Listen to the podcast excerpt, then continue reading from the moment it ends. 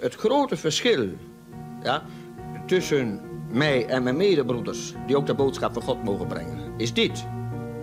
Het grote verschil, het radicale verschil. Zij hebben veelal God bestudeerd, maar ik ben door God onderwezen.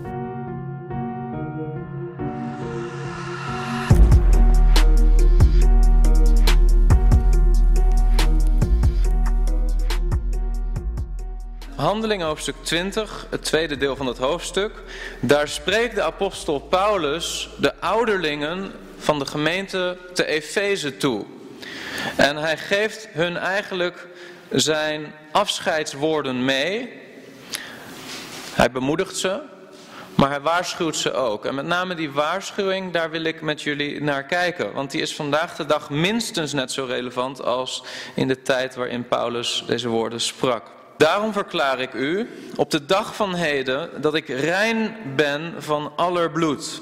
Want ik heb u niet nagelaten al de raad van God te verkondigen.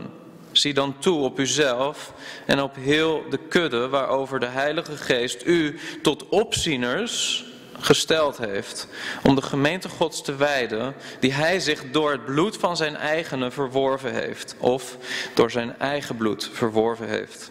Vers 29. Zelf weet ik dat na mijn heen gaan grimmige wolven bij u zullen binnenkomen, die de kudde niet zullen sparen. En uit uw eigen midden zullen mannen opstaan die verkeerde dingen spreken om de discipelen achter zich aan te trekken. Het is een grote verantwoordelijkheid om een leider te zijn of om aangesteld te zijn als een ouderling of een opziener in de gemeente van de Heer. Het is een verantwoordelijkheid omdat je niet de zorg draagt voor jouw schapen of voor jouw mensen, maar voor de kudde van de Heer. De kudde die Hij met zijn eigen bloed verworven heeft.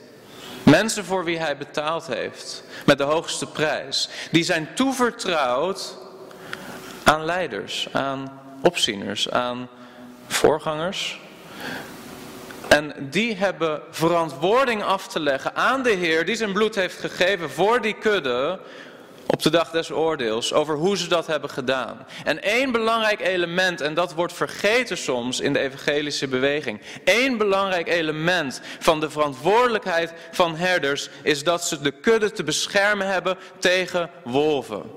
Grimmige wolven. Niet lieve wolven. Hè? Niet, niet een soort van tamme wolf. Paulus heeft het hier niet over huisdieren, hij heeft het over grimmige wolven. Wat is een grimmige wolf? Een grimmige wolf is een valse wolf. Een wolf die onvoorspelbaar is. Een wolf die plots kan toehappen en een schaap kan verslinden. En ik vind het belangrijk dat we vandaag daarbij stilstaan, omdat deze wolven daadwerkelijk bestaan, daadwerkelijk rondgaan. En wij hebben als christenen en in het bijzonder als ouderlingen, als opzieners, de verantwoordelijkheid om de kudde daarvoor te beschermen. En hoe doe je dat? Nou, Paulus geeft al aan, ik heb niet nagelaten u al de raad van God te verkondigen. Paulus predikte de waarheid en de beste manier om de kudde te beschermen voor de leugen is om ze heel erg bekend te maken met de volle waarheid van Gods woord. Dat is de beste manier om de kudde te beschermen voor de leugen. Broeders en zusters, er zijn wolven. Er zijn wolven, er zijn mensen zoals Frieswijk, die de kudde niet zullen sparen. En je moet hiervan afweten. Dan zeg je misschien, broeder Chris, wij zitten niet in zo'n gemeente, de Vaste Burg, het is geen secte. Nee, maar dit soort mensen komen wel op je pad. Dit soort mensen komen op je pad met imposante uitspraken, met een schijn van geestelijk gezag. En ze trekken schapen achter zich aan. Een goede, gezonde gemeente wordt verlaten ten faveur van een secte, omdat die secte iets biedt waarin die kerk tekortschoot en waarin de christen teleurgesteld is geraakt. En dat kan zijn omdat de secteleider vuriger is dan de leiders van de gezonde gemeente. Dat ze een bepaalde passie ervaren in de secteleider die ze niet zien in de gezonde gemeente waar ze in zaten. Dat kan het zijn, maar wat het ook kan zijn, is dat de gemeente waar ze onderdeel van uitmaakten, misschien weliswaar een gezonde gemeente was, maar bepaalde onderwerpen nooit besprak, nooit belichtte. En de secte speelt daar handig op in, want maakt vaak zo'n onderwerp tot de kern van hun leer. Als er nooit wordt gesproken over de Sabbat en hoe wij daar tegenaan kijken, dan kan je wel weer iemand tegenkomen die zegt, ja maar de Sabbat is het belangrijkste aspect van het christelijk geloof.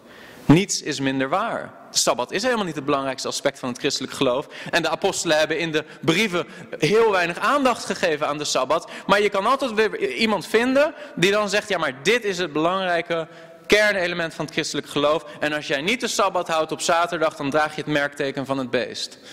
Wat ga jij dan zeggen? Als er in jouw kerk nooit gesproken is over de Sabbat. En hij laat jou drie teksten zien. Waaruit blijkt dat de Sabbat een eeuwige instelling is van God. En dit is hoe mensen misleid worden tot secten. En dit is waarom het belangrijk is dat ouderlingen heel het raadsbesluit van God bespreken. Zodat christenen gevaccineerd zijn voor dit soort virussen, geestelijke virussen die rondgaan. Ja, we hebben het over de coronacrisis en iedereen hoopt dat daar een virusvaccin voor komt. Maar weet je wat veel gevaarlijker is dan het coronavirus? Geestelijke virussen, dwaalleer. Veel gevaarlijker dan het coronavirus. En hoe moeten wij de gemeente beschermen voor dit soort geestelijke virussen? Nou, door mensen bekend te maken met de dwaling die allemaal rondwaart. De pest die rondgaat in Nederland en wereldwijd. En de vraag is dan ook, waar zijn de bijbelse mannen van God in Nederland vandaag de dag? Die op een vurige manier opstaan en de ware bijbelse leer in zijn volheid durven verdedigen in het publieke domein. Ik geloof dat de gemeente daar veel behoefte aan heeft. Ik geloof dat de gemeente veel behoefte heeft aan mannen van God. En ik zeg dit ook tegen jonge mensen. Er zijn er niet zoveel hier misschien. Maar maak het jouw ambitie in het leven om God te kennen, om zijn woord te kennen en om conflicten aan te gaan met mensen die zijn woord verdraaien.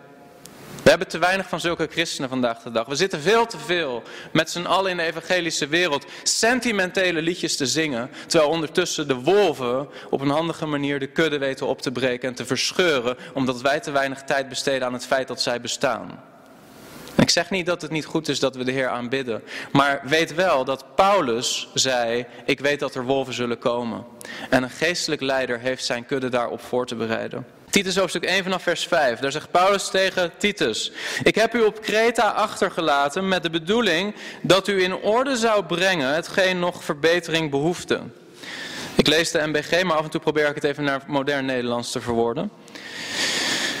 En dat u, zoals ik u opdroeg, in alle steden oudsten zou aanstellen, ouderlingen, opzieners zou aanstellen, mannen die onberispelijk zijn één vrouw hebben, die gelovige kinderen hebben of trouwe kinderen hebben, die niet in opspraak zijn wegens losbandigheid of van geen tucht willen weten.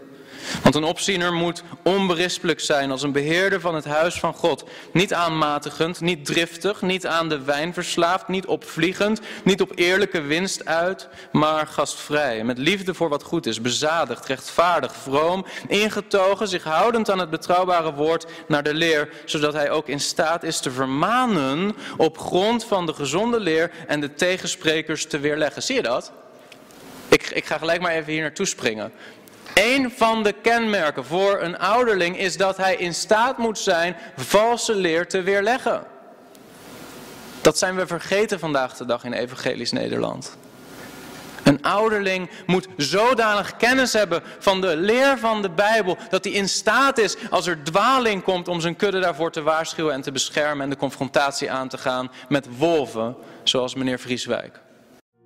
Heb je iets gehad aan deze video? Druk dan op like en wil je vaker dit soort apologetische video's zien? Abonneer je dan op dit kanaal. God zegen.